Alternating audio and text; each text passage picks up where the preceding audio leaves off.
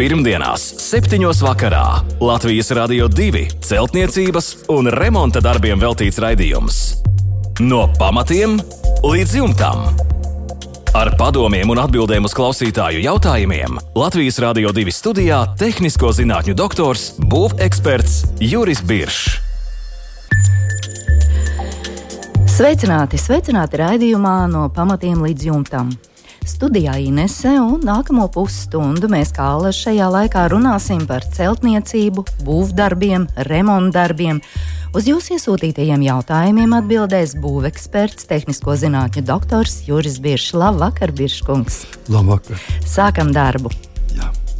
Ārā no jums griesti, nošūti ar vagondēļiem, priedes veiglas koks tika noklāti ar caurspīdīgo bezkrāsaino krāsu. Pēc pieciem gadiem uz dēļiem parādījušies pelējuma traipi. Ko darīt, lai novērstu dēļu pelēšanu un atjaunotu dekoratīvo izskatu? Šādu jautājumu mums ir uzdevis Mareks un turpina. Citi ārā no jums griezti, arī nošūti tieši ar tādiem pašiem vagondēļiem, bet noklāti ar terases dēļu bezkrāsaino eļļu. Varbūt ir jāveic kādi preventīvi pasākumi, lai pelējums neiemestos arī šajos dēļos. Vai eļļas izvēle ir bijusi labākais risinājums, vai tomēr šī bezkrāsainā krāsa nu, izskatās, ka eļļa vinnē? Ko jūs jā, teiksiet, Tieškungs? Nu, šeit jāsaka, ka tas ir vairāk tāds tīri prakses jautājums, bet par cik uh, Mareks saka, tas ir pieci gadi atpakaļ, tad es atceru savā atmiņā. Atceros ļoti daudz gadījumus, kad pielietoju šīs caurspīdīgās, lakveidīgās pārklājumus. Nu, ļoti daudz firmas, kas viņas arī, arī ražoja.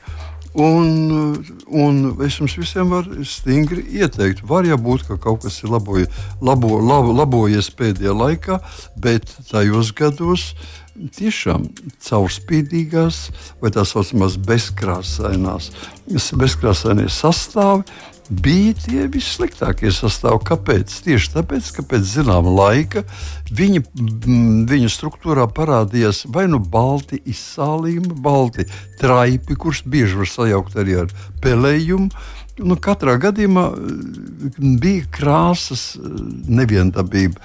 Parādījās vai no gaišāka vai tumšāka pleķa. Visbiežāk tiešām kaut kāds tāds kā balti izsālījumi iekšā. Es saprotu, ka ļoti daudz cilvēku uztraucas un, un, un nepatīkams ir tas, ka viņš ir jāņem nost. Tur nekā pa virsmu viņam šādiem sastāviem. Tīri mehāniski jāņem Jā, nost. Viņa jāņem nost. Pie tam vēl nevis viņu noņemt nost, praktiski ir jāslīpē. Ja? Un tas nozīmē milzīgi milzīgu roku darbu.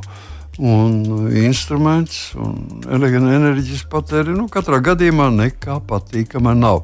Ja mēs, lai mēs izvairītos no šiem gadījumiem, tajos gados, un es domāju, ka arī tagad drošības spējas var jālieto, vienmēr ir šie iekrāsoties sastāvā. Mazliet nu, līdzīgs kā, kā beigcēm, līdzīgs, bet viņi ir lakāji vairāk līdzīgi, kas apstrādā, dod dekoratīvu, ļoti smuku virsmas, spīdumu un tā tālāk. Bet bezkrāsainie, nu, jābūt ļoti uzmanīgiem. Tā var Tas, gadīties. Jā. jā, var gadīties. Es to pilnīgi pieļauju. Bet, kas attiecās par otru jautājumu pusi, tad pielietojot eļļu, nu, eļļa reti, kad nu, ir eh, praktiski eļļai, tad liek speciāls pigments klāt, bet praktiski viņi vienmēr ir nu, tāda bāli, bāli zeltainīga. Ja viņai varam teikt, ne, nekrāsaina. Ja? Eļļai ir ļoti liels priekšrocības, jo pirmkārt, eļļa ir materiāls, kas iesaucās iekšā koksnē, un viņi atļauj pilnībā elpot koksnē. Ja? Tas nav kaut kas līdzīgs lakam, tas nav līdzīgs speciālajiem puslaku, sakot, dažādu sastāviem, kur, pie kuriem pieder arī šie caurspīdīgie sastāvdi. Bet eh, tā ir eļļa.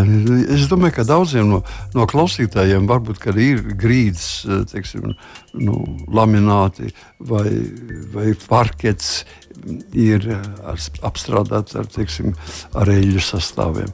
Viņš ir brīnišķīgs, ļoti labs krāsas, var izmēlēties, un viņš elpo. Godīgi sakot, es pat teiktu, ka uh, pamatā es dodu priekšroku eļļu sastāviem, bet nevis lakām. Mm -hmm. Tā tad eļļa ir koksnei draudzīgs materiāls. Jā, jā jebkurā gadījumā. Nu, redziet, par cik šeit tomēr runa ir par ārā darbiem. Ja? Nu, daļēji pāriem griezt nebūtu pakļauts saules tiešiem starojumiem, bet jebkurā gadījumā tomēr uz ārā darbiem tātad saskarsies ar lielāku mitrumu, tāpēc jo vēl jo vairāk priekšrocība ir tieši eļļu sastāviem. Bet noteikti šis sastāvs arī laiku pa laikam ir jāatjauno. Jā, nu, dabīgi, dabīgi, par to nav ne mazāko šaubu. Viņš ir jākopja, bet teiksim, tā pavisam. Nevaram tā nokrāsot, un ar to viss beidzās. Ja. Tātad ir jā, jāveic apkope, un to apkopi tad jādabū ārā no instrukcijas, kura kurā tas ir rakstīts. Iekšā. Jā, cik gadus kalpo, un tas ir tomēr rūpīgi jāizvērtē jā. un jāievēro. Jā, nu, es domāju, ka nu, teiksim, ārā apstākļos nu, tāds eļļu, eļļu sastāvs varētu, varētu kalpot diezgan daudz ilgi, nu, tomēr pēc 3-4 gadiem ir jāsāk domāt kaut ko uzlabot. Nu, trīs gadi tas tomēr ir pietiekams nu, parasti. Tas periods. ir visvienkāršākais, kā kokam mēs pielietojam teiksim, līnēļas vai uz tās bāzes veidotas beidzas vai krāsas. Vai, nu, praktiski galīgi ne par ko nerūpēties, ne par ko nedomājot un iepriekš neko neapstrādājot, varat garantēt, ka jūs strādāsiet apmēram trīs gadus. Ja mēs jau pieejam ļoti profesionāli šai lietai, tad var maksimāli izstiept līdz 8, 9 gadiem to, to teiksim, iz, izturību. No tā kā ir vērts pacensties. Jā, paldies par atbildi Marekam. Vēlos izbūvēt mansarda istabas, mums raksta Juris. Jumtam ir trapecveida profils, zem kuras ir antikondensāta plēve. Uz melnajiem griestiem ir beramā akmens vate. Kā pareizi būtu sākt būvēt šīs istabas, vai klāt pie antikondensāta plēves var likt akmens vati? Jā, nu, nu, vai te ir pietiekama informācijas? E, nu, informācija ir varbūt ne, ne, ne, ne, ne tā pilnīgākā, ko es vēlētos, lai varētu precīzi visu pateikt. Bet princips ir jāievēro viens. Ja jūs gribat mansarda telpu, pirmais jums ir jāpārbauda jumts. Un tātad mēs zinām, ka mums ir ir uh, trapezveida jumta profils. profils. Nu, nav zināms, kas tas ir par segumu. To mums nav zināms. Diemžēl.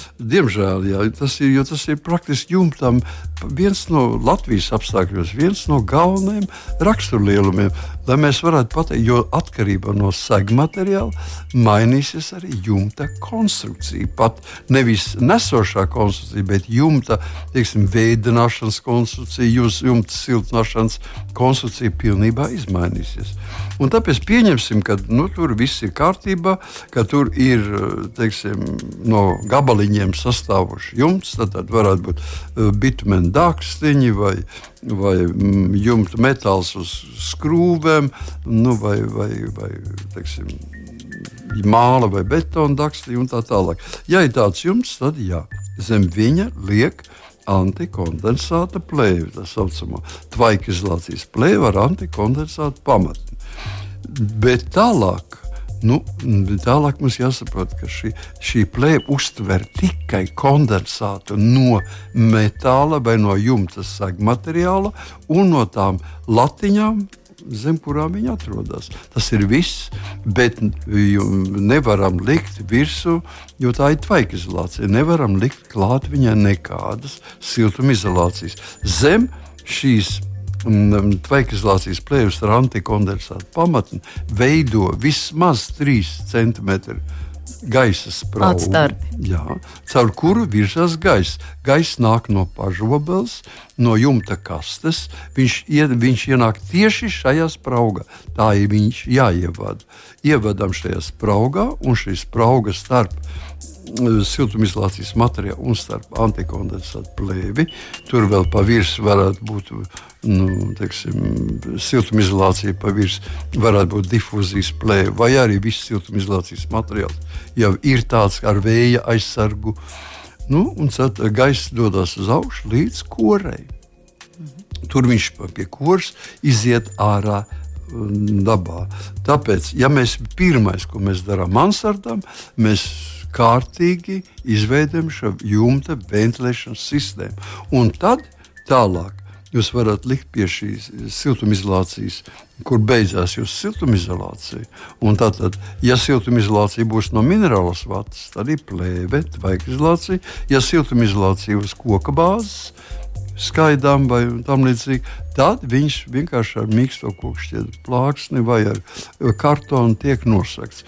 Un tālāk seko mūsu mansarda dzīvoklis tikai tagad. Tad, tad sākās šī jā, istabas sākās, izbūve. Jā. Sākās istabas, tas sākās griezti mm -hmm. un viss pārējais, kas jā. mums vajadzīgs. Paldies par atbildi Jānim. Nākamā vēstule - skaitbetona māja iekšsienas apmestas. Veicot remontu, ir nodrupis skaļķa apmetums. Arī šis skaļķa apmetums bija krāsots. Vēlos uz sienām likt kokšķiedras plāksnes, veidot karkasu, bet sprauga starp sienu un plāksnēm veidosies šī izdrupuma pēc. Vai šo spraugu atstāt tukšu, vai labāk aizpildīt ar ekovati vai arī ar kādu citu materiālu? Nu, redziet, Jānis ir uh, pareizs. Arī doma ir pareiza. Doma ir pareiza, ļoti pareiza. Mēs vienkārši atgriezīsimies vēlreiz visiem klausītājiem.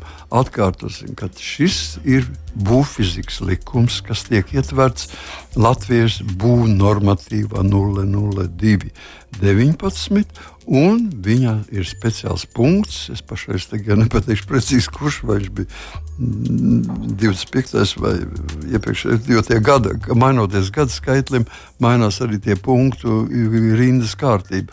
Un šajā punktā ir ietverts iekšā galvenais noteikums. Ja jums ir siena, jeb teiksim, nu, materiāls, kas atdala āru no iekštelpas, tad šajā materiālā nedrīkst būt nekāda gaisa tukšumi, gaisa spraugas, slēgti kanāli un tā tālāk. Kas nav ventilējami. Ja viņi ir ventilējami, lūdzu, lai būtu. Bet viņš nedod siltumu, saprotiet. Bet stāvošs gaiss tukšumā, tajā no, teiksim, norobežojušā konstrukcijā Latvijas apstākļos nedrīkst būt. Tāpēc tā ir arī atbilde Jānim. Nekādas tukšas vietas, spraugas, starp, jo šeit ir ārsiena. Ārsiena ir no materiāla, no skaidra betona, un iekšā tas ir jā, nu, skaidra betona māja. Un, un iekšiena ir siltināta. Tātad būs, būs karkas, un starp, mm. starp karkasu un starp, starp sienu paliks sprauga. Nekādā gadījumā. Tātad pilnīgi pareizi Jānis ir apņēmies to aizpildīt ar ekovati vai kādu citu materiālu. Ieteicams, ne ar putu materiālu. Ja. -hmm. Bet ekovata būtu laba. Ekovata būtu ļoti laba. Ja viņai būs ļoti, teiksim, ja mēs aizpildīsim ar akmens vati, nu, teiksim, beramo akmens vati vai kaut ko, tad jā, jāliek vēl siltajā pusē, istabas pusē, plēve. Bet, ja liek, izmantojam ekovati, kas ir uz koka bāzes, mm -hmm. jeb kādas, kaņepāju vatas vai linvatas vai kūdras vatas un tā tālāk, tad mums nekas tur nav vairāk jāliek. Jā, māja nebūs iepakota un jā, elpos. Un viss būs labi. Jā, paldies par atbildi. Pirmdienās, 7. vakarā Latvijas Rādio 2 celtniecības un remonta darbiem veltīts raidījums. No pamatiem līdz jumtam. Ar padomiem un atbildēm uz klausītāju jautājumiem Latvijas Rādio 2 studijā - tehnisko zinātņu doktors, būveksperts Juris Biršs. Rihardam ir jautājums par ūdensvadu izbūvi. Pie privātmājas ir aka, ziemeļpusē apmēram 8 metri no mājas. Grunts ir smilšaina kur tiks rakta tranšēja, nav ne gājēju, ne transporta ceļš, tikai zāliens. Tiks izmantota melnā ūdensvada caurule, diametrs 25 x 2,3 mm. Cik dziļi būtu jārok ūdensvads, lai nebūtu aizsalšanas risks, un vai ir racionāli izolēt cauruļvadu ar siltuma un arī kondensāta izolāciju, nu, lai mazinātu mehāniskus bojājumus? Šādi ir Rihardi jautājumi. Jā, nu, tas mazliet ir, ir jau speciālistiem jautājums, jā, kas nodarbojas ar šaurāk profilu. Bet tas ir standarta jautājums, un, un tad visi būvnieki to var atbildēt uz šo jautājumu. Tātad Atsāksim no paša vienkāršākā. Ja reiz tomēr brauktu, tagad, teiksim, Rimants saka, ka nekas nekā nav ne gājēji, ne transports, ne tikai zālieni, tad nekāda īpaši liela slodze nav. Bet pat tad, ja nu, te, nu, gadīsies, teiksim, mašīna pārbraukt pār pa to vietu, lai nesaplēstu šos vadus un nesaspiest un nedeformēt. Tātad minimālais dziļums ir 60 vai 70 cm. 60, 70 cm zem grunts. Praktiski autotransports, nu, nekāds milzīgais krāsa vai maz, bet, bet teiksim, vieglais transports un vienkārši vienkārši grūzāvīgs var pārbraukt pāri un nekas, nekas nesaplīsīs.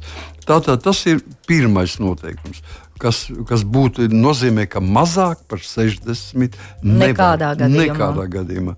Un tālāk būtu, tomēr, ja mēs gribam būt priekš sasalšanas, atceramies, ka kad Latvijas mm, nu, teiksim, vidēji pa Latviju ir apmēram 90 vai apmēram metrs ir sasalšanas robeža. Tā kā vajadzētu godīt to to cauruli guldīt uz kaut kādu teiksim, keramzītu pamatnes, un noguldīt, un pēc tam es ieteiktu vienkārši viņu, ne, nu, teiksim, metru dziļumā. Tas ir maksimums, vairāk nevajadzētu. Un, lai būtu pilnībā droši, mēs viņu pēc tam, kad esam nu, noseguši ar grunti, tikai noseguši. Pēc tam uzlikt virsū viņam vēl siltumizolācijas materiālu, teiksim, akmens vati. Jā. Mēs varam uzlikt akmens vati. Tādu slānīti. Tā slānīti, jā, pa virsmu, nekur nevajag ne sāns, nekur vienkārši un cik bieži? Pa virsmu. Nu, teiksim, ideālā gadījumā 10 centimetri un viss. Un tālāk viņš tiks saspiests, piespiests klāt apņems un, un praktiski Neko citu vairāk es teiktu, nevajag. Ja? Galvenais šeit būs cits jautājums, kā viņu ievadīs akā, ja, un kā tur viss tas tur, bet tas jau ir tīri speciālisti. Mm -hmm. Jā, tā tad metra dziļumā. Metra dziļumā un, un mazliet virsū siltumizolāciju un praktiski par kondensātu nevajadzētu vispār baidīties, tāpēc, ka metra dziļumā Nu, saprotat, nekādu saules staru nevar neko. Tur ir tāda temperatūra, Sabojā, jā. kurā kondensāts praktiski nevar rasties. Mums jāsaprot, ka Latvijas apstākļos kondensāts var rasties. Nu, pie augstākās temperatūras tas ir gaisa temperatūra 16 grādi, un pie zemākās mīnus, mīnus 9 grādi. Nu, tad, nu, nevar droši, būt. Jā. Nu, tas ir droši. Paldies par atbildi Rimantam. No pamatiem līdz jumtam. Turpinām zem mājas stūra ir sausās toaletes bedra, mums raksta Andrejs, kuru ir doma likvidēt, jo beidzot ir pievilktas pilsētas komunikācijas, ar ko arī Andreju apsveicam. Kā būtu pareizi jādara, jāapstrādā šī bedra, jāizber un ar ko, jo eh, tajā pašā vietā būs arī kanalizācijas un ūdensvada caurules. Tās tiks ievadītas mājām. Jā, jā. Nu, tas ir diezgan slikti, ka tieši uz uh, mājas stūri šī, šīs komunikācijas tiek ievadītas un arī tas, ka tur ir tā sausā, sausā toaletes bedra atrodas. Praktiski tas nav tas nekas krimināls, bet jebkurā gadījumā tas ir, rada uzmanību vairāk jāpievērš gruntī, kas tā pa grunts, un tāpēc mums arī diezgan maz tās informācijas. Bet pamatdarbi ir sekojuši. Nu, protams, ka ir šī bedra jāiztīra. Par to es domāju, ka neviens nešaubās, un nevajadzētu viņu tur, tātad vajadzētu viņu iztīrīt. Tad, kad viņi tiek iztīrīti, neberiet iekšā nekādā gadījumā nesmilts. Ja? Tātad viņu vajadzētu aizpildīt ar šķembām. Ar vienalga apaļs vai kantains šķēmas, tad caurmēr izmērs kaut kur no sākot no desmit, nesmalkāk, un uz, uz augšu. Ja, teiksim, 10, 40. Ja, teiksim, vienalga kāds iekšā. Ar vislētākām šķēpām, ko es varu dabūt, acīs. Karjeros ir bieži pārdot par ļoti lētu naudu. Acīs, kurās ir klāts ne tikai vēl, nu, tas, tas sliktākais nesošais materiāls. Bet būgružs var arī izmantot mm, šim nolūkam? tikai granulēts. Tikai granulēts. Tur ir, tur ir teiksim, tas smalkne nedrīkst būt. Jā.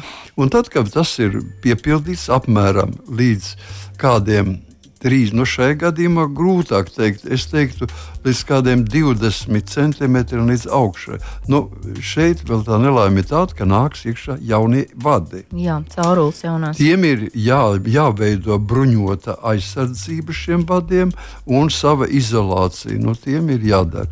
Tāpēc, kad tajā, tajā nu, teiksim, to, jo viņi jau nenāks tik augstu laukā. Viņi nāks kaut kur zemāk, tāpat 60, 70 centimetri zem zemes. Tātad viņi, viņš šos vadus ir jā, jāsargā, lai viņi tiešām netiktu ar viņiem nekas ļauns notikt. Jo pārējo daļu. Tad, tātad līdz šiem var arī līdz šiem vadiem. Tad tos vadus izvada augšā, kur viņi tālāk iet, un apmēram 20 cm līdz beigām vajadzētu izklāt to, to šķēmu, nu, kas tur šķēmas ir. Viņas, nu, cik no, no, cik viņas var noblīvēt, tik viņas var noblīvēt. Daži iebāž iekšā vēl, vēl vibro galdu, un tur viņas noblīvē. Var to nedarīt. Un uzklāja virsū plēvi. Kad virsū ir uzklāta plēve, tad viņi ņem tos 20 centimetrus un nobetonē. Ah, betons un, un, tag, jā, un tagad ir viss. Tātad, tātad uz garu malām iet plēve uz augšu, un praktiski viss ir nosakts ar 20 cm biezu betonu klājumu. Tas viss ir vajadzīgs tāpēc, lai šī bedra nekādā gadījumā nepievilktos ar ūdeni. Ja, mm -hmm. ja būs smiltis, viņi būs līdz augšai. Nu, jā, mitrums. Viss, jā, jā. sūksies uz augšu. Jā, bet vai šī bedra pirms šķembu iebēršanas nav jāapstrādā kaut kā ar kādu materiālu? Es teicu, viņi ir tikai, tikai, tikai tīrama, tīrama. Ideālā mm -hmm. gadījumā viņi var, nu, tas nav zināms kā, vai viņi ir tikai gruntī, mm, ir bēlikta, tad vienkārši daļu no grunts aizvada laukā. Ja viņi ir betonēti, tad viņi var mazgāt, vai, bet jebkurā gadījumā, jā, ja viņa ir no betona, tad var arī viņu vēl dezinficēt. Paldies, viss skaidrs! Man ir koka māja, celta 1930. gadā, raksta Ilona. Apšūta ar ķieģeļiem un apmesta starp koku un ķieģeļiem ir gaisa sprauga. Gribu siltināt, vai drīkst gaisa spraugā iepūst ekovati. Varbūt ir kāds cits labāks siltināšanas materiāls. Nu, daļēji jau mēs pa gaisa spraugām jau izrunājām, bet nu, tad vēlreiz nu, tā īsti. Nē, nē, es eh, priecājos, ka šodien jautājumu uzdevēji praktiski jau iniciēti tādā zinoši. Inutie, jau. Jā, ir zinoši. grib pārliecināties. Jā, viņi ir pārliecināti. Tas ir pilnīgi pareizi. Dabīgi, dabīgi īpašība. Septiņreiz nomēra un tad tikai nogriez. Jā. Īpaši šajā gadījumā, jā. kad tās ir izmaksas, jā. laiks un materiāls. Un tikai ir viena lietiņa, ko nu, vajadzēja pateikt, un mēs varētu konkrēti, ļoti precīzi atbildēt. Man vajadzētu zināt šos gaisa spraugus. Izmērus. Jā, cik viņa plati ir šī sprauga. Jo tagad atkal atkārtosim veco. Ja sprauga ir līdz 3 centimetriem, līdz tas no teiksim, puscentimetrs, centimetrs, 2, 2,5 Mm -hmm. nu, 2,5 3 cm līdz 3 cm. Tad visefektīvākais ir mm, tādas uzpūstas putu polistirola lodītes, kuras ir uzpūstas un nokrāsotas ar uh, grafītas mēru melnas. Ja. Nu, viņam ir dažādi firmu nosaukumi, bet nu, viņas ir tiek piedāvātas. Princips viens. Jā. Princips viens. Ar viņam, viņam apmēram šie graudiņi ir apmēram divi 3 mm caurmērā, ļoti viegls un ārkārtīgi efektīvs. Tātad, ja mēs neuzmanīgi pelposim pa to, mēs varam ieelpot iekšā ļoti, ļoti, ļoti momentā dod siltuma efektu. Un tas nozīmē tikai to, ka mums jāpārliecinās par to, ka šī gaisa sprauga ir hermetiska, tātad pie logiem un atsevišķi varbūt kāda izbrukuma sienā. Tas viss ir jāpārbauda. Un tad viņa vienkārši iepūš. Jā, bet ja sprauga ir lielāka. Ja sprauga ir lielāka no 3 cm un teiksim, līdz pat kādiem 10 cm, nekas labāks par ekovati nav. Tātad ekovati šeit ir vislētākais. Viņi var mēģināt arī līdz 3 cm, bet tad veidosies kaut kāda gaisa uzkāruma, un jeb arī jālieto ļoti spēcīgs spiediens gaisam, un tad var sagāzt vēl to sienu un tā tālāk. Tur var rasties dažādas nepatikšanas. Tāpēc, teiksim, no 3 līdz, parasti jau šīs spraugi no 3 līdz 5 cm, maksimums 7, bet es saku, ka pat arī 10, jo ir pieredzēts pat 15 centimetri tādas spraugas redzētas. Nu, tad tur visekonomiskākais un efektīvākais ir tieši ekovate. Mm -hmm. Jā, tā tad Ilonas doma jā, bija pilnīgi pareiza. Protams, ka var pūst iekšā arī, arī minerālu vati, bet tā šajā gadījumā nav tik laba. Labāk ekovati, jā. Paliekam pie ekovatas. Nākamais ir Jāņa jautājums. Vai uz šindeļa jumta var likt skārda jumtu, nenoņemot šindeļa jumtu, vai ir arī kādi nosacījumi, lai šīs darbības veiktu? Nu, es zem šindeļa jumta sapratīšu bitumenu šindeļi, un kas tiek klāti, nu, tātad mēs liekam uz spārēm, klājam virsū tātad šo mm, OSB plāksnes un uz OSB plāksnēm Nu, Tātad mēs klājam virsū šo šindeļus. Ja. Tātad, ja, ja tas ir tāds pirmais noteikums, kas ir, var likt, jā, var likt skārda jumta, bet tikai noteikums ir viens. Jumtam jāpaliek elpojušam, jumtam jābūt savai ventilācijas sistēmai. Ko tas nozīmē? Tas nozīmē, ka zem šī OSB, kas mums noteikti ir, Zem viņa ir jābūt gaisa spraugai. Tas nozīmē, tur jābūt difūzijas plēvei. Un starp šo OSB un difūzijas plēvi iet gaiss, kas ienāk no jumta kastes, iešu spraugā, iet augšā līdz korei. Korē viņš nāk ārā. Šai gadījumā kore mēs atstājam šo cauri. Viņš, viņš turpina iet tāpat, kā bija nekas nemainās, un viņš nāk pie kuras ārā. Tikai vienīgā izmaiņa ir tāda, ka parādās dubult jumts. Tātad parādās skārda jumts virs šī uh, šī šindeļa jumta. Tas, no, lai varētu viņu skārdu uzlikt virsū, mums jāliek gar, uh, šķērs latas. Nu, tāds kā, tādā pašā virzienā kā spārs tās latas, un uz šīm latām ir šis metāls virsū. Vienalga, vai viņš ir, ir uh, falss metāls vai skrūve metāls, zem viņa paliks atstarpe. Ja, starp metālu un starp esošo, esošo jumtu. Uh mhm. -huh. nu, tas var palikt. Un viņš arī pie koras arī nāk ārā. Tas saskarās kā divas gaisa plūsmas, kas iet zem OSB plāksnes, un kas eh, īpaši svarīgi tas ir tad, ja zem OSB plāksnes atrodas jumta siltinājums. Ja. Nu, parasti tā tas Jā, arī būtu. Tā var parasti tad, tas viņš ņem lārā šo jumta kondensāta mitrumu un izveidina. Un augšā tas ir vienkārši brīva vieta, kur tiešām gaisa plūsma nebūs tik aktīva, bet viņa notiks. Mm -hmm. Tāpēc, jā, tas ir galvenais, lai notiek. Tas ir galvenais, lai notiek. Jā. Jā, paldies, viss skaidrs. Un vēl viens jautājums. Rihards ir uzrakstījis, vai uz putekļa pirms stiegrošanas jāliek sēdes?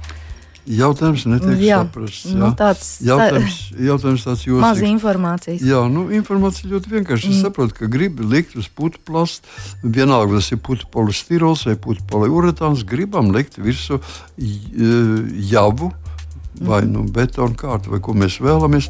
Un lai viņš sakot, būtu saturīgs un neplaisātu, un pie mazākās fiziskas iedarbības mehāniski nelūstu, mēs viņu stiegrojam. Siets ir stiegrošanas līdzeklis. Ja šī stiegrošana nenozīmē neko citu, kā tikai stiegrot. Krieviski teiktu armat, armīrovaņie, armatūra, un latviešu ir stiegra.